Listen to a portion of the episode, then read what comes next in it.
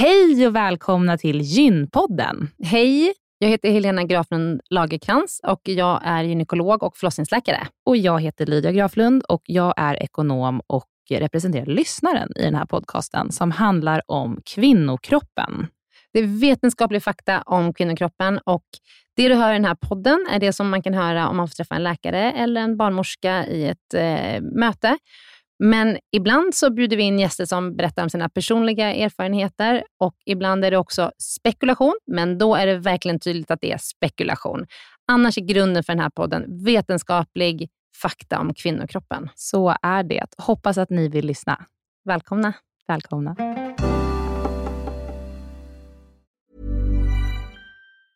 Many of us have those stubborn pounds that seem impossible to lose, no matter how good we eat or how hard we work out. My solution is PlushCare. PlushCare is a leading telehealth provider with doctors who are there for you day and night to partner with you in your weight loss journey. They can prescribe FDA-approved weight loss medications like Wagovi and Zepbound for those who qualify. Plus, they accept most insurance plans. To get started, visit plushcare.com slash weight loss. That's plushcare.com slash weight loss. Den här veckans avsnitt av Gynpodden är sponsrad av Care. Och Helena, det är ju det bolaget, vårdbolaget, som du och jag har varit med och startat, där vi erbjuder digitala vårdmöten med specialister inom kvinnovård. Precis. Och vi vet att det är väldigt mycket vårdpersonal som lyssnar på Gynpodden, vilket vi är jätteglada för. Och vi behöver alltid fler gynekologer till SDKR. Så därför vill vi nu göra en shout-out till alla er som lyssnar ute som vill vara med och förändra svensk kvinnovård. Vi söker specialister inom gynekologi, men också ST-läkare som har kommit en bit in i sin ST och som vill arbeta digitalt eh, med handledning på, hos oss på SDKR. Mm. Och precis som det är för våra patienter som kan söka vård hos oss, det vill säga att de kan bo vart som helst i landet eftersom vi är digitala. Om man laddar ner appen och så bokar man ett vårdmöte, så kan ju även läkaren bo vart som helst i landet eller flytta under tiden man jobbar hos oss. Det är ju väldigt, väldigt flexibelt eftersom eh, man jobbar hemifrån. Och Jag tänker att det måste ju också vara helt underbart att som läkare kunna arbeta hemifrån och planera sin egen tid några dagar i veckan. Ja, verkligen. Och samtidigt vara med och förändra kvinnovården med kollegor som är otroligt drivna och engagerade. Det är jätteroligt att jobba på SDKR. Och jag tycker att det här är en häftig grej som vi gör just nu, att vi erbjuder gyn, äh, gynvård i hela landet. Och vilka är de vanligaste patientmötena du tar, Helena? Ja, men det är ju klimakteriet, eh, PMS, eh, mensbesvär. Och det är ju såklart ärenden och eh, diagnoser som går att hantera digitalt. Men vi remitterar också vidare när det behövs. Mm. Eh, och tar labbprover när det behövs mm. och så vidare. Mm. Så gå in på sdcare.com, klicka på jobba hos oss i menyn för att läsa mer och skicka in en ansökan. Tack så mycket. Tack och välkomna. Hej, välkomna till Gynpodden. Idag så ska vi prata om framtidens förlossningsvård igen. Vi började den här säsongen med att eh, podda med Karin Pettersson som är överläkare på Karolinska Universitetssjukhuset. Då diskuterade vi hur hon ser på förlossningen, hur den ska organiseras och vad man kan tänka sig kan ske i framtiden. Och nu ska vi följa upp det här med att eh, podda med Charlotte Elvander. Välkommen! Ja, men tack. Du får en liten applåd. Det känns liksom lite mindre naturligt att applådera nu när jag är ensam. Det var lättare när Lydia var med. Då, då inledde vi alla poddavsnitt med en applåd, men nu fick du en liten enmansapplåd. Eh, Lotta kallas du också. Du är barnmorska och arbetar på BB Stockholm. Du är ordförande för graviditetsregistret. Det ska du få berätta lite mer om vad det är. Eh, sen är du ordförande i Vetenskapliga rådet. Du har disputerat 2014 och du säger själv att du är en fena på statistik. Och när jag har läst om dig och din, du har en blogg bland annat som jag har läst och då, då märker man att du är duktig på det här med eh, siffror och statistik. Och det är jätteviktigt. Eh, och jag kände när vi bjöd in dig att du är en helt rätt gäst för att diskutera framtidens förlossningsvård. Men kan inte du börja lite med att berätta om dig själv? Jag blev barnmorska 2009 eh, och Eh, det var efter att jag hade jobbat i USA några år som sjuksköterska och eh, kommit tillbaka hem till Sverige och kommit på att nej men gud, det är, det är barnmorska jag måste bli. Eh, jag hade jobbat som undersköterska nere på Danderyds förlossning och sett de här barnmorskorna som jag såg upp till och tänkte, gud, tänk om jag kan få bli som dem. Så 2009 blev jag färdig barnmorska och samtidigt som jag blev färdig så började jag också med forskningen. Och insåg ganska snabbt att mycket av det vi gör inom förlossningsvården skiljer sig en del från det mm. vi ser i evidensen. Och vad har vi egentligen evidens för och så vidare. Och det väckte ju jättemycket frågor. Så jag började fundera och eh, ville bara veta mer och mer och mer. Och sedan dess så har jag inte kunnat sluta tänka på saker som har med förlossningsvården att göra. Och hur kan vi förbättra den? Hur når vi liksom optimala resultat? Och vad vill kvinnorna? Och ja, men allt som har med det här att göra. Mm.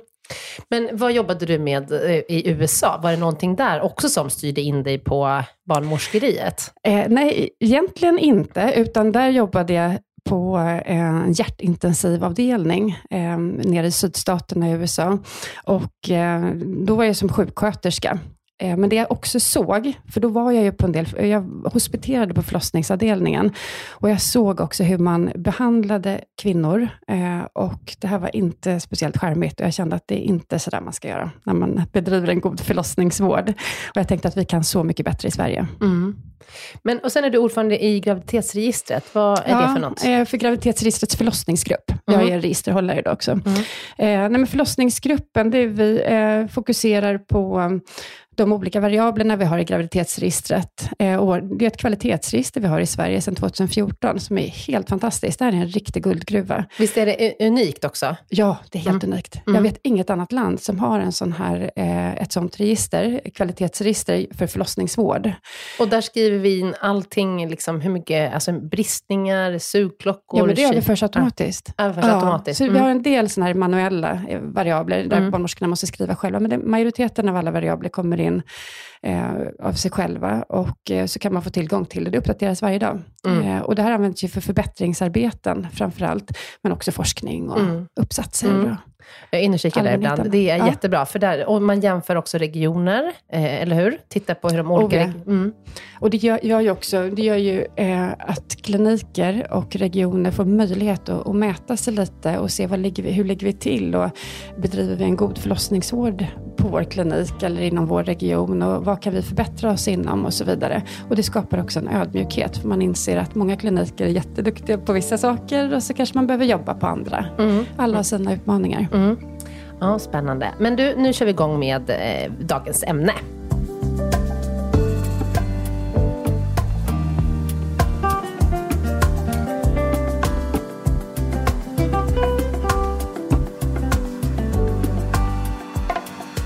Vad tycker du fungerar bra och vad tycker du fungerar mindre bra eller kanske till och med dåligt inom förlossningsvården idag? Ja, det, det är, det är mycket som är jättebra inom svensk förlossningsvård. Och jag vill verkligen framhäva det, för att jag tror att jag kan uppleva sig lite kritisk ibland. Eh, men internationellt sett så bedriver vi en väldigt god förlossningsvård med bra utfall liksom för mor och barn. Eh, och många kvinnor är nöjda med sin förlossning. Men vi kan inte heller luta oss tillbaka och säga att ja, nej, men därför ska vi bara fortsätta precis som vi har gjort, utan vi måste hela tiden fortsätta att utvecklas, så att säga. Eh, och vi har också trender som går i fel riktning i Sverige, som vi måste liksom uppmärksamma och tänka till kring hur vi ska göra. Vad är det för trender? Eh, nej, men vi ser en ökad kejsarsnittsfrekvens. Vi ser att fler kvinnor har stora blödningar i samband med förlossning. Vi har fler barn som föds med lågapgar efter fem minuter. Eh, Apgar är det här eh, mät, eller det är ett sätt som vi, där vi mäter hur bebisen mår när den föds. Precis ja. Mm. ja så det... Och hög apgar, då mår bebisen väldigt bra och en lägre apgar så mår den sämre. Ja, mm. precis. Okej, okay, så man ser en trend att apgar är lägre vid när bebisen kommer ut? Ja, mm. och den här trenden har pågått under Eh, ganska många år tillbaka nu ehm, och fortsätter uppåt, så att säga, att vi får fler barn. Ehm, så vi behöver fundera lite grann. Men andra saker som också är bra, vill jag säga då, eh, det är att vi ser att det börjar komma fler alternativa vårdformer nu. Det händer jättemycket eh, inom förlossningsvården idag och vi har sett min barnmorska, vårdformen Min barnmorska, som har bedrivits på Huddinge eh, sedan några år tillbaka, börjar sprida sig. Eh, vi har fått jag på BB Stockholm nu att starta. Eh, och det finns en efterfrågan på fler alternativ, al alternativa vårdmodeller från kvinnorna och de gravida. Eh, barnmorsketeamet i Göteborg har precis meddelat, eller har nyligen meddelat, då, att de ska öppna en barnmorskeledd enhet. I Göteborg? Mm, Mm. I början på januari. Mm. Och jag tänker att det är ett tecken på att det finns en efterfrågan. Mm. Så de tog saken i egna händer. Mm. Och vad är den efterfrågan, eller vad är det för efterfrågan? Att eh, inte föda på sjukhus. Och att större kontinuitet inom graviditet och förlossning. Mm. För din barnmorska, det, har vi pratat, det pratade vi om i förra avsnittet med Karin Pettersson. Mm, min, Så- ba- min barnmorska. Förlåt, min barnmorska. Ja. Så gå gärna in och lyssna på där. Men ehm, kort är det ju att man ska få en barnmorska som följer en under graviditeten och under förlossningen. Och efter förlossningen. Precis, ja. Mm. Och det är en, eller, eh, en av tre eller fyra barnmorskor då som Mm. är med när man sen ska föda. Och nu ska ni börja med det på BB Stockholm. Det visste Ja. inte jag. Vad spännande. Ja, och det är fler Mm. kliniker som också har eh, önskat det här vårdvalet. Då. Mm. Ehm, och ja, förhoppningsvis kommer teckna det. Då. Mm. Men är det inte dyrare vård? Nej, det är inte dyrare vård. Om man, det vi ser i de medicinska utfallen är att vi har lägre andel som föds för tidigt, eh, färre igångsättningar och många positiva eh, ja, det medför många positiva eh, förbättringar. Och på lång sikt så kommer det här vara väldigt kostnadseffektivt. Mm. Men det är ju en ständigt pågående kris med svårigheter att bemanna förlossningar och barnmorskor som vittnar om att de hinner inte gå på toaletten, larm om att födande inte kommer få plats på sin förlossningsklinik och så vidare. Vad är det som gör att det är så svårt att organisera förlossningsvården? Jag tror att i, i grund och botten så handlar det om eh, ett stort glapp mellan det man ser som barnmorska att man, man skulle vilja ge till kvinnorna eh, och det man har möjlighet att ge dem. Och när det här glappet blir för stort så skapar det en stress, eh, en etisk stress. Eh, och om man dessutom då inte heller får betalt för det här, utan man jobbar till en lön som man inte tycker motsvarar det arbetet man utför, och man behöver jobba helger, eh, nätter, storhelger, ehm, så känner man att det är inte värt det. Jag tror att om man tänker då som barnmorska, om du har en kvinna som kommer in och man säger att Åh, gud, jag skulle vilja ge henne att hon skulle ha möjlighet att bada, eller hon skulle behöva träffa samma barnmorska under hennes vårdförlopp. Eh, hon behöver det här och här, men det finns inte möjlighet i systemet man arbetar i att ge henne det här. Så känns det frustrerande. Ja, Mm. jag förstår det. Och, uh, uh, men barnmorskor vill också arbeta i högre utsträckning på såna här barnmorskeledda enheter. Eh, Eller hur? Det är Ja. inte bara kvinnorna som efterfrågar det. Nej, precis. Det finns ju en grupp. Jag tänker att precis som kvinnorna så är barnmorskorna olika. Eh, och det är hela tiden in, individer eh, som vi pratar om. Och eh, barnmorskor vill också olika saker. Eh, en stor grupp barnmorskor tycker att det går alldeles utmärkt och vill jobba på en förlossningsavdelning. Eh, men så har vi en grupp barnmorskor som hellre jobbar på barnmorskeledda enheter eller inom kontinuitetsmodeller eller med hemfödslar eller någonting annat. Mm. Så att jag tror att vi måste tänka att vi måste ha olika alternativ, både för att tillgodose behoven hos kvinnorna, eh, men också för barnmorskorna. Och det här handlar ju inte om att för att barnmorskorna ska må bättre som personer, utan det är för att de ska få tillgång till eh, en vårdform eller möjlighet att ge kvinnorna det de ser att de behöver. Mm. Det här känner jag igen som läkare också, att man, man arbetar men man känner inte att man får göra sitt bästa för att man hinner inte, vårdmötet är för kort och det är för många patienter och så vidare. Samtidigt så läggs det ju mera pengar än någonsin på vården.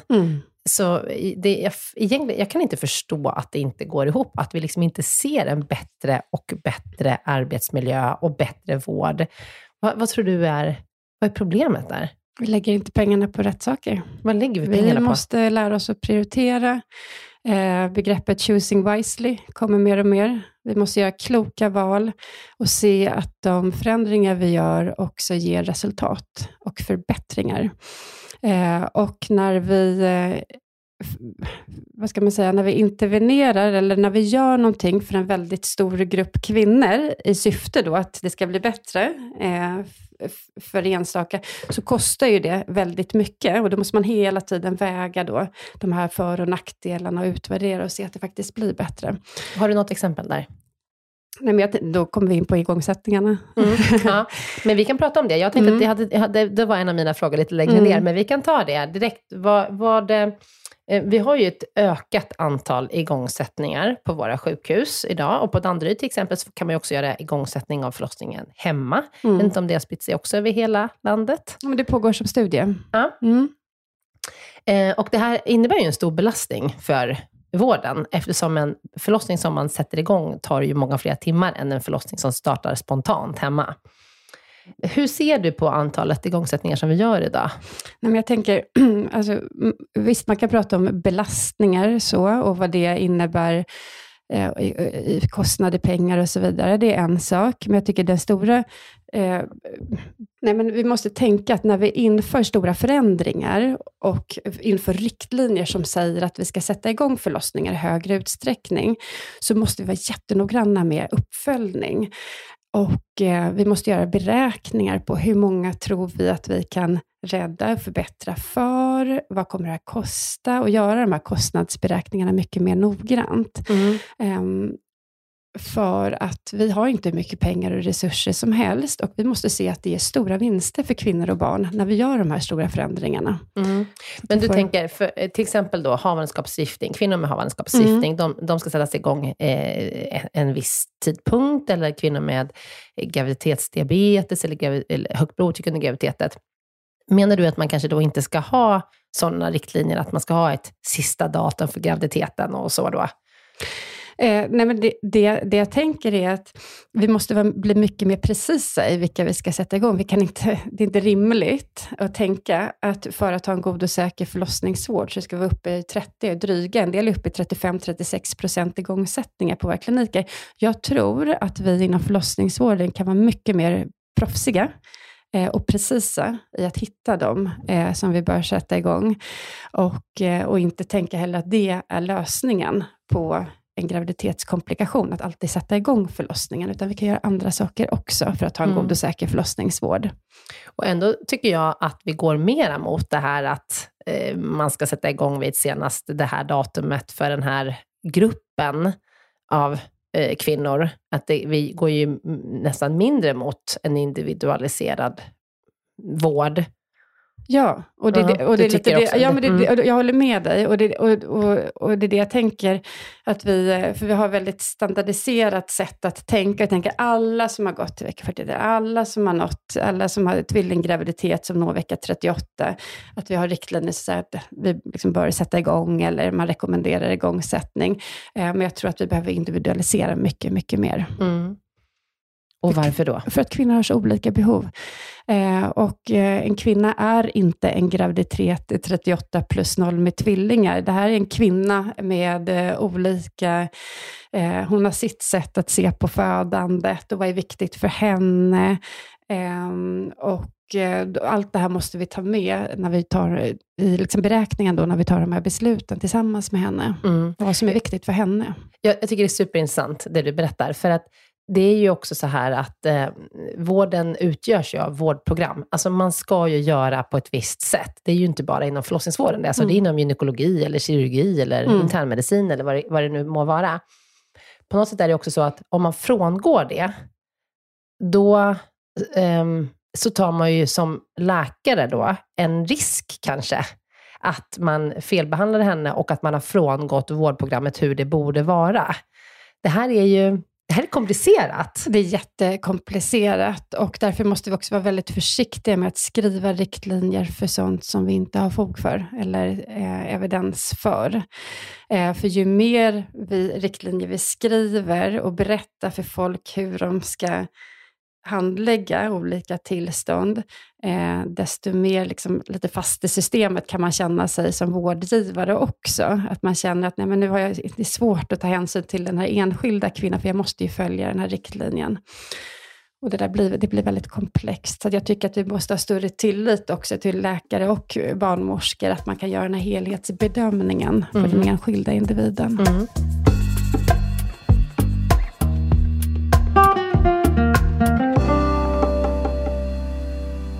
Men och hur ser du på antalet eh, interventioner mm, som vi gör inom vården idag? Och med en intervention så menar jag till exempel att man gör kejsarsnitt, eller man kopplar ett värkstimulerande dropp, eller man lägger en sugklocka eller ett klipp eller så. Det ökar ju väldigt mycket. Ja, Eller gör det det? Ja, eh, nej men, och framförallt så varierar det. Det är bara att titta i graviditetsregistrets årsrapport från förra året. Vi har enorma variationer. Vi har en dubbel risk för, eller dubbel sannolikhet då att förstföderskor föder med sugklocka på vissa kliniker än andra kliniker. Och, eh, induktionsfrekvensen varierar jättemycket. Eh, spontanvaginala födslar. Så vi har ett jättestort spann. Och så länge vi har den här variationerna så tänker jag att vi har, det är en oönskad variation. Eh, för det ska inte vara så att föder man på vissa kliniker så har man en kraftigt ökad risk för att bli klippt till exempel. Utan det borde ju vara behovet som styr. Ehm, och de här variationerna indikerar att ehm, eh, det är mycket culture-based rather than evidence-based, så att säga. Mm. Och, eh, Vi blir upplärda av de som jobbar där. Ja, Mm. precis. Så det är väldigt mycket kultur inom förlossningsvården. Och har vi kliniker som visar att nej men det går att, att ha så här låg andel kejsarsnitt eller så här låg andel klipp och fortfarande ha jättefina utfall, då ska vi eftersträva det. Mm. Så vi ska hela tiden eftersträva mot att ha så få in- interventioner som möjligt, men med bibehållna goda utfall. Och det här finns det ju studier på, som Mm. har visat att det går att minska eh, interventioner med Mm. bibehållna eller ännu bättre utfall. Mm. Du nämnde, när vi pratade inför den här podden, Mm. då, då nämnde du, eh, någon, du sa någonting ungefär som att, eh, att det, det är otroligt svårt att implementera forskning i vården. Be, berätta, vad, eh, vad, vad tänker du? Vad menar du med det? Mm, vi behöver bli mycket bättre på det. Mm. Mycket bättre. Komplex implementering. Ehm, och jag tycker att vecka 41-riktlinjerna är ju, ehm, och då pratar vi om de som är, eh, har gått längre i sin graviditet och passerat vecka 41. Och hur ska man handlägga, eller vad ska man ge för rekommendationer till den här gruppen kvinnor? Det här är, eh, den har ju blivit väldigt omdiskuterad, den här riktlinjen, just för, eh, tänker jag också, för att det om, handlar om implementeringen också. Eh, men Lotta, vad, vad menar du med det här igångsättningen då, vecka 41? Vad, det, det gjordes en stor studie för några år sedan där man kom fram till att man kanske, det fanns en fördel i att sätta igång en förlossning från vecka 41 istället för vecka 42 som har varit implementerat under väldigt lång tid. Men du, tyck, du ifrågasätter det? Ja, jag ifrågasätter slutsatserna eh, och växlarna man, liksom, man drog på studien. Eh, och man slår ihop den studien med de två andra studier som är gjorda på området. Och trots att evidensen är väldigt svag eller obefintlig egentligen, så väljer man ändå att skriva en riktlinje som säger att jo, men vi ska börja inducera tidigare i vecka 41. Eller göra individuella bedömningar. Eh, vilket leder då till att hela Sverige fortsätter att göra olika saker eftersom man kan göra det ena eller det andra, men båda rekommendationerna bygger på svag evidens. Och vad får det här för konsekvenser? Jo, eftersom man inte är så tydlig i sin riktlinje och att den inte är så tung i evidensen, så blir det liksom fortsatt väldigt ehm, mycket frågor ute i landet och man gör fortsatt väldigt olika. Mm. Och det kan vara så att regioner som man, man har inte haft barn som har fötts döda i vecka 41 och ändå så börjar man inducera jättemycket i vecka 41. Så man måste titta på sin egen kontext och se, nu har det kommit forskning inom det här området och hur kan vi använda oss av den inom vårt, i vår region och på vårt sjukhus? Och har vi ens ett problem med den här frågan? Eh, så att mycket mer kontextbaserat, så att säga. Ja. Men om man gör då mera kontextbaserat, då Mm. kommer vi fortsätta göra olika i, ute i landet, eller i vårt avlånga land. Ja, och det här behöver man ju ta hänsyn till när man skriver riktlinjer. Mm. Då tänker jag att när man skriver en riktlinje så kan man inte heller, då måste man ha ganska bra på fötterna Mm. eh, för att kunna ge en rekommendation. Och det kanske i många fall också är bättre att ge ett kunskapsstöd. Det vill säga, det här vet vi på det här området, så här kan man tänka. Det finns oli, eh, olika sätt att nå fram till de goda utfallen. Mm. För, för den här CP-studien då, som visade Mm. eh, att det kanske i vissa avseenden i varje fall är bättre att sätta igång vecka 41 än 42.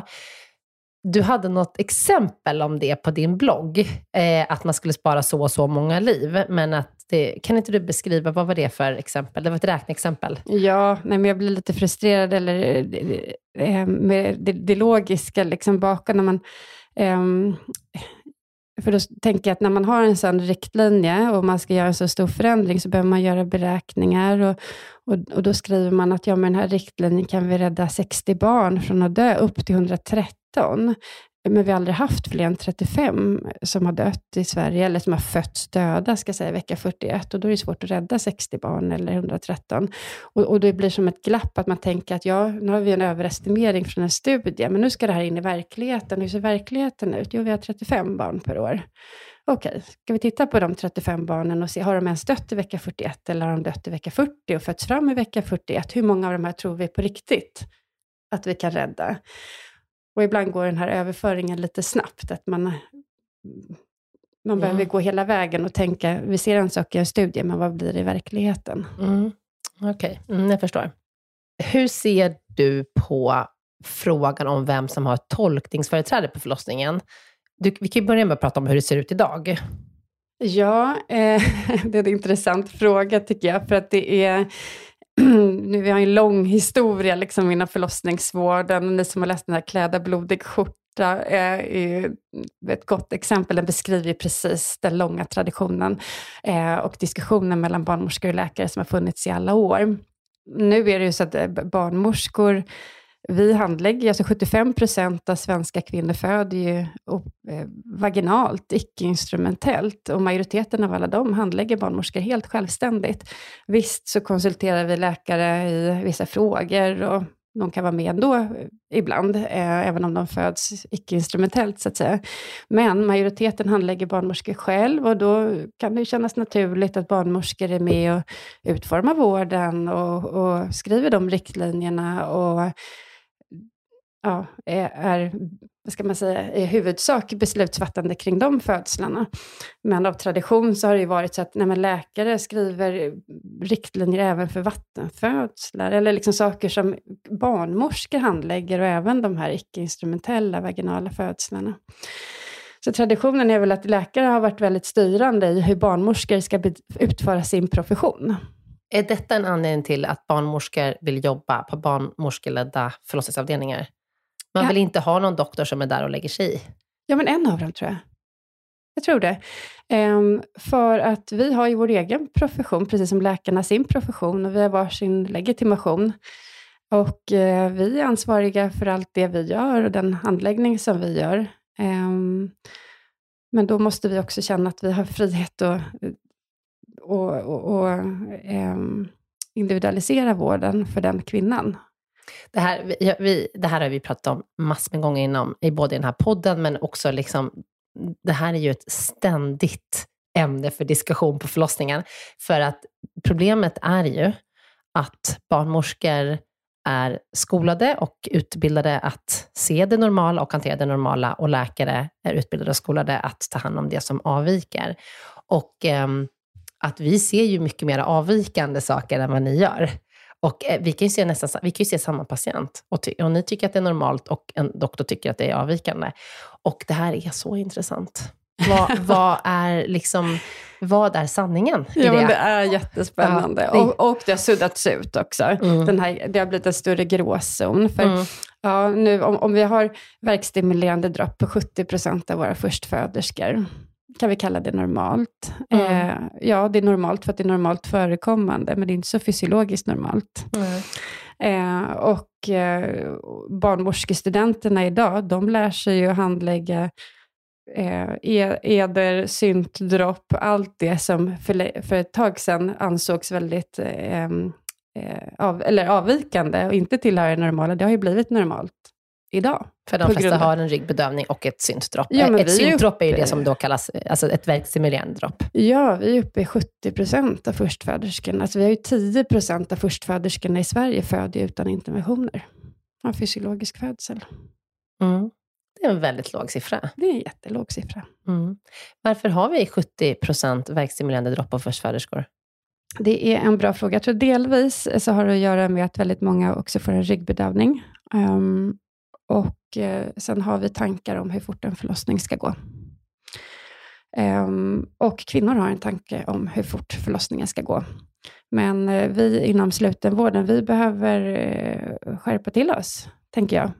Ehm, för vi kan inte säga att vi är duktiga på att eh, främja en fysiologisk födsel eller det normala förloppet eh, när vi är uppe på 70 procent användning av EDA och Syntrop, eh, då börjar det bli problematiskt och då kan man också förstå varför kvinnor väljer att inte föda inom slutenvården. Mm. Here's a cool fact. A crocodile can't stick out its tongue. Another cool fact, you can get short-term health insurance for a month or just under a year in some states. United Healthcare short term insurance plans are designed for people who are between jobs, coming off their parents' plan, or turning a side hustle into a full time gig. Underwritten by Golden Rule Insurance Company, they offer flexible, budget friendly coverage with access to a nationwide network of doctors and hospitals. Get more cool facts about United Healthcare short term plans at uh1.com. Hold up. What was that? Boring. No flavor. That was as bad as those leftovers you ate all week. Kiki Palmer here, and it's time to say hello to something fresh and guilt-free. Hello Fresh. Jazz up dinner with pecan-crusted chicken or garlic butter shrimp scampi. Now that's music to my mouth. Hello Fresh. Let's get this dinner party started. Discover all the delicious possibilities at hellofresh.com. Veckans avsnitt av Gynpodden är sponsrat av mittpreventivmedel.se som är en informationssida från Bayer. Mm. Jättebra informationssida. Eh, den, den är full av information och material för att du på bästa sätt ska kunna välja vilken preventivmedelsmetod som passar dig allra, allra bäst. Mm. Och Det vi tänkte prata om idag det är att det finns något som heter samtalsguide mm. på den här sidan. Mm. Och Det är ett formulär där man har, får en massa frågor, till exempel så här, att komma ihåg att ta med preventivmedel dagligen är inget problem för mig, eller ibland svårt, mm. eller inte min grej. Mm. Eller um, om jag blev gravid nu och så vidare. Liksom. Så att man får kryssa i en massa frågor och ta ställning och fundera innan mm. du träffar din gynekolog eller barnmorska, så att du liksom verkligen får med alla frågor som är viktiga för dig i det där mötet. Ja. Så man kan fylla i den på den här hemsidan, så kan man skriva ut den här blanketten och ta med den. Ja. Jag skulle säga att, att det verkar som att det är framförallt fyra kategorier som mm. är väldigt viktiga. Och sen, mm. så, sen så spelar det ju in vad du har tagit innan och hur det har funkat för dig och, mm. sådär, och din historik.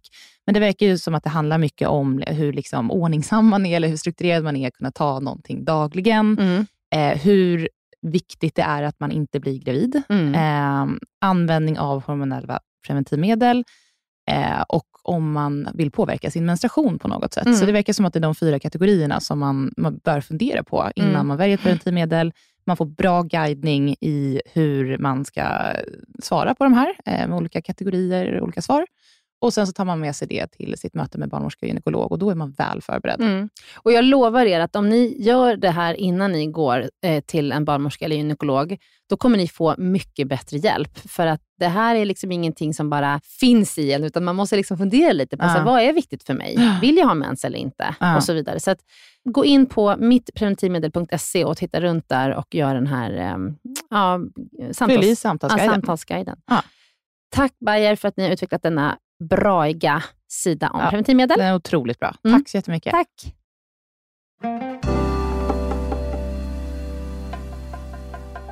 Vi kan ju gå vidare till det ämnet då, hemförlossningar och eh, det här ganska nya begreppet, för mig i alla fall, wild pregnancy. Mm. Alltså vild graviditet. Precis, ja. Free mm. births. Ja. Free birth.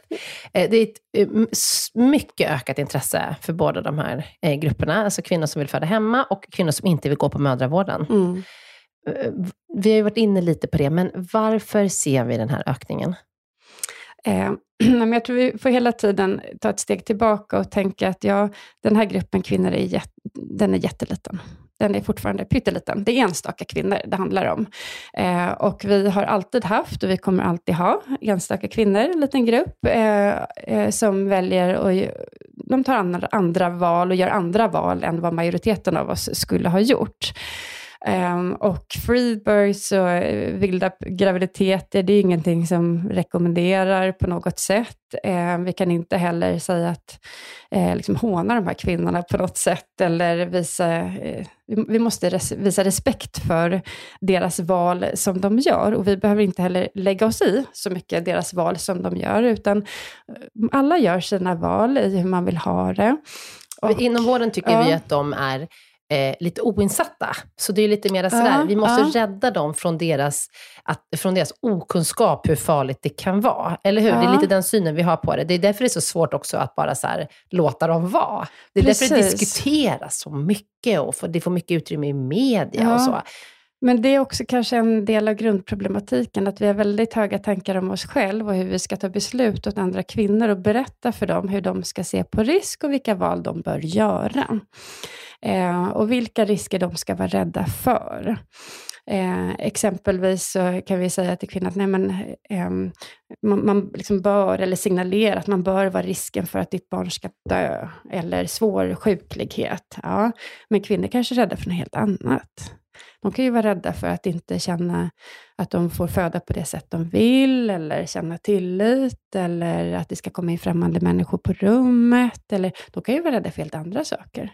Och då hjälper det inte att föda på sjukhus. Om det är den rädslan man vill undkomma, så att säga, då är det bättre att vara hemma.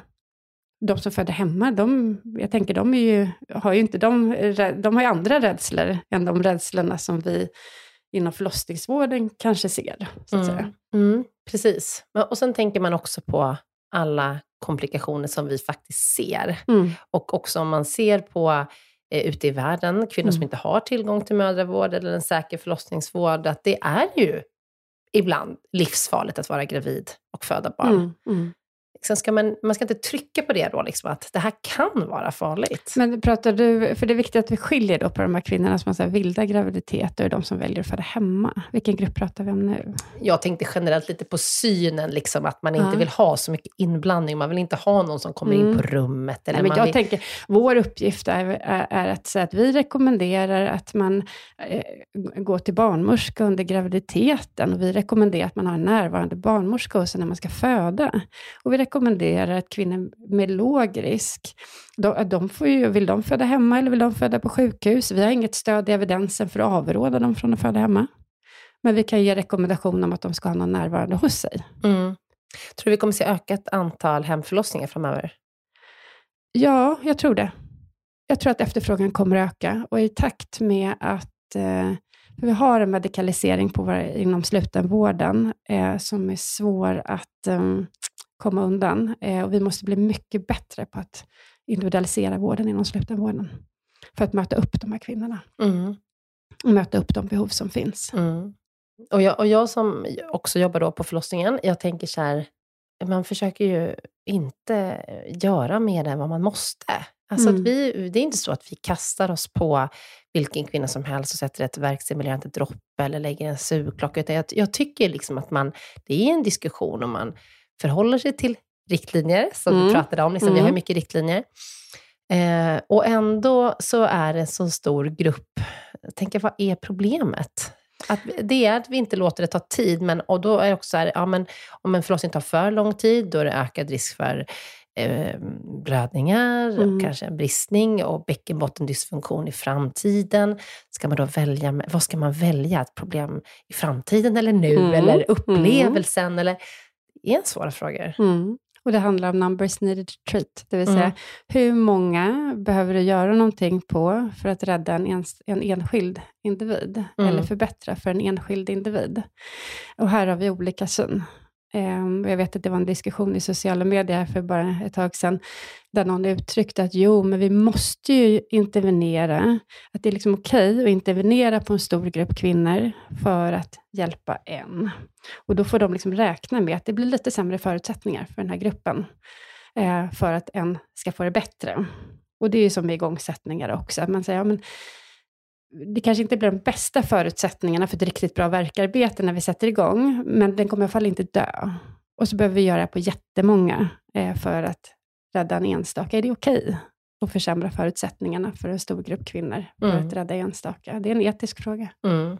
Det är en etisk fråga. Och vi, vi drog den i ett annat poddavsnitt med Minna Lundén, när vi pratade om intrauterin fosterdöd. Ja, Då, då pratade mm. vi om att, ja men vill man verkligen att ingen ska föda ett dödfött barn, då ska man sätta igång alla förlossningar vid kanske Mm. 2 plus 0, för det är då det går från att vara ett foster till att det, var, att det är ett barn. Ja, Eh, och då, då är man ju ganska, då är ju alla överens om att, ja men där är vi ju inte. nej. Men liksom, var ska man lägga den här gränsen? Och inte bara i igångsättning för att minska risker för intrauterin fosterdöd, utan alla olika interventioner vi gör. Var ska man lägga gränsen? Mm, det beror på vad det är, vilket utfall det är man vill förbättra. För om vi bara styr på död, Mm. om det är det enda utfallet vi tänker att det här är absolut viktigaste, det enda vi ska tänka på är att rädda dem från död. Då ska vi indicera. Eh, I vecka 37 kanske plocka ut dem med elektivt snitt, jag vet inte. Då kanske en del dör i och för sig på grund av andningsproblematik efteråt, eller Mm. andra saker. Mm. Men då, då har vi ett sätt att tänka. Mm. Men tänker vi att barnafödande, det är så mycket mer än att barnet ska leva eller inte leva. Det här handlar om ehm, det är en, en livshändelse, det är en så stor händelse i kvinnors liv. Eh, och vi behöver ta hänsyn till så många fler utfall. Då kan vi inte bara styra på död, utan då måste vi styra på många fler utfall. Ehm, och också till se till nästkommande graviditeter och hennes fortsatta liv. Och där Mm. tror jag och tänker att vi som barnmorskor har ett annat sätt också att se på födandet. Eh, vi ser det, det här är en händelse i kvinnans liv. Vi vill alla att hon ska föda ett levande, friskt barn. Eh, men hon kommer också ha fortsatta graviditeter och det är mycket mer än den här, de här timmarna på förlossningen, den medicinska händelsen. Så att vi måste ta ett helhets, eh, ser det ett väldigt holistiskt perspektiv. Mm. Där skiljer vi oss som grupp ganska mycket. Barnmorskor ser ju mycket mer det som eh, liksom en, en händelse vi ser det som att vi vill minska risken för att något ska gå fel. Här, det är, alltså, nu är det lite krasst så, men Ja. det är ju Mm. så det är mycket. Men jag tror att det är därför det kanske krockar också ibland. Eh, för om man tänker, det, vårt, vårt jobb inom förlossningsvården är att få ut ett levande barn. Mm. Om man har det som sin s- synen Mm. på det, det- vårt uppdrag, eh, så handlar man ju på ett sätt. Men har man en annan syn och tänker att nej, men vi ska stötta den här kvinnan genom den här helt normala fysiologiska processen som det faktiskt är att föda barn. Om det skulle avvika, då finns vi där och kan backa upp henne eller hjälpa henne. Annars så ska vi bara stötta henne igenom den här livshändelsen. Mm. Eh, så att hon får bli så stärkt som möjligt eh, och går in i föräldraskapet eh, och känner att hon har fött ett barn och hon har tagit emot det här barnet, att anknytningen är så bra som möjligt och går in i sin föräldraroll på ett så optimalt sätt som möjligt. Då är det lite andra saker vi behöver ta hänsyn till också. Mm.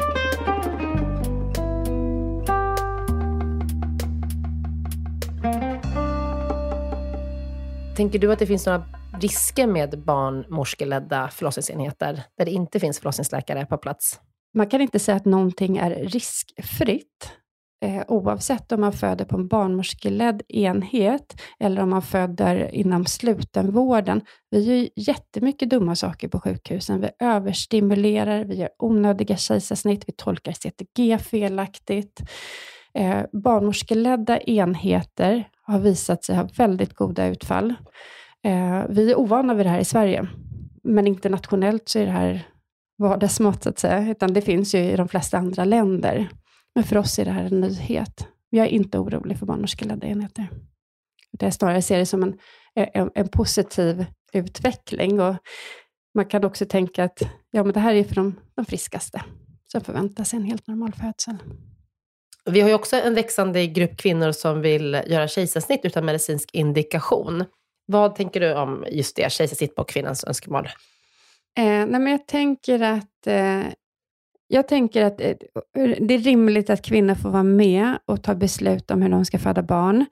Ehm, och eh, vi inom förlossningsvården, det vi kan göra är att eh, ge så goda och optimala förutsättningar som möjligt för att kvinnor ska känna att de vill och kan föda vaginalt och eh, känna sig trygga med det. Sen om vi ändå har kvinnor som önskar någonting annat och då tänker jag kanske ha gått i ett par samtal och man vet, de, de, de har liksom den informationen eh, som de behöver för att kunna ta det här beslutet. Då tycker jag någonstans att vi ska tillmötesgå dem. Så man ska få bestämma det själv? Ja, det, jag tror att det finns en grupp kvinnor som mår bäst av, ehm, eh, av att bestämma själva och planera ett kejsarsnitt, absolut. Lotta, nu ska du Mm. få en svår fråga. Mm. Vad ser du i framtiden vad gäller mödravård och eh, förlossningen? Liksom, hur kommer det förändras? Hur kommer vi, hur kommer vi styra eh, och eh, verka inom förlossningsvården och mödravården i framtiden?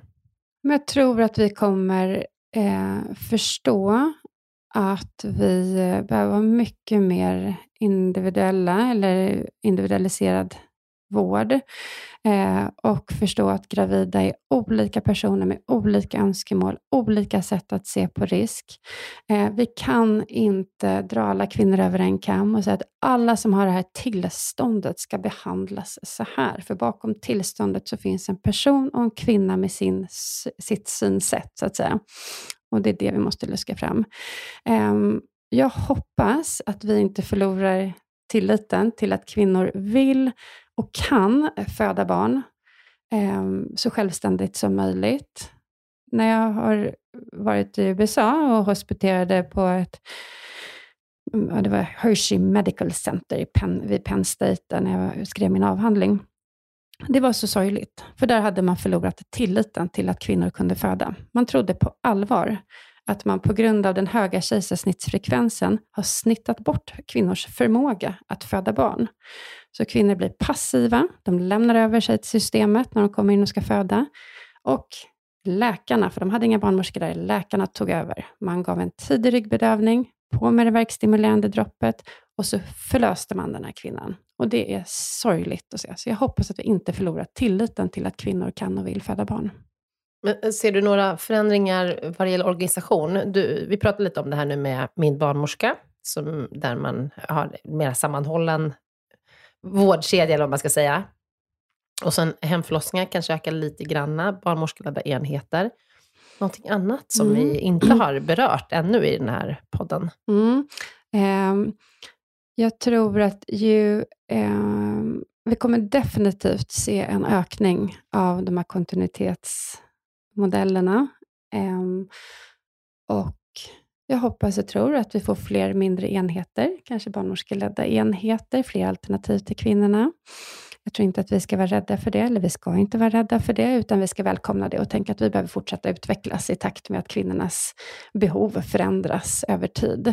Eh, och vi har så pass bra eh, kommunikation och koll på vår förlossningsvård och utfall, så att vi kan utvärdera det här kontinuerligt och se att, att det fungerar bra. Stort tack Lotta. Det var jätteroligt att få prata med dig om de här frågorna och eh, skiljer sig lite från Karin Petterssons avsnitt som vi spelade in för några månader sedan. Men jättespännande att höra din syn på det här. Tack för att du var med i Gympodden. Ja, men tack för att jag fick komma. Hej då! Hej då!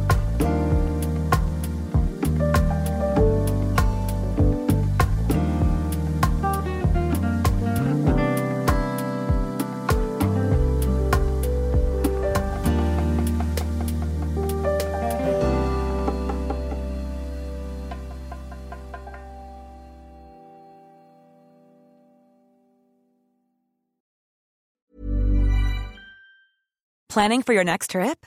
Elevate your travel style with Quince. Quince has all the jet setting essentials you'll want for your next getaway, like European linen, premium luggage options, buttery soft Italian leather bags, and so much more. And is all priced at 50 to 80% less than similar brands. Plus, Quince only works with factories that use safe and ethical manufacturing practices. Pack your bags with high-quality essentials you'll be wearing for vacations to come with Quince. Go to quince.com slash pack for free shipping and 365-day returns.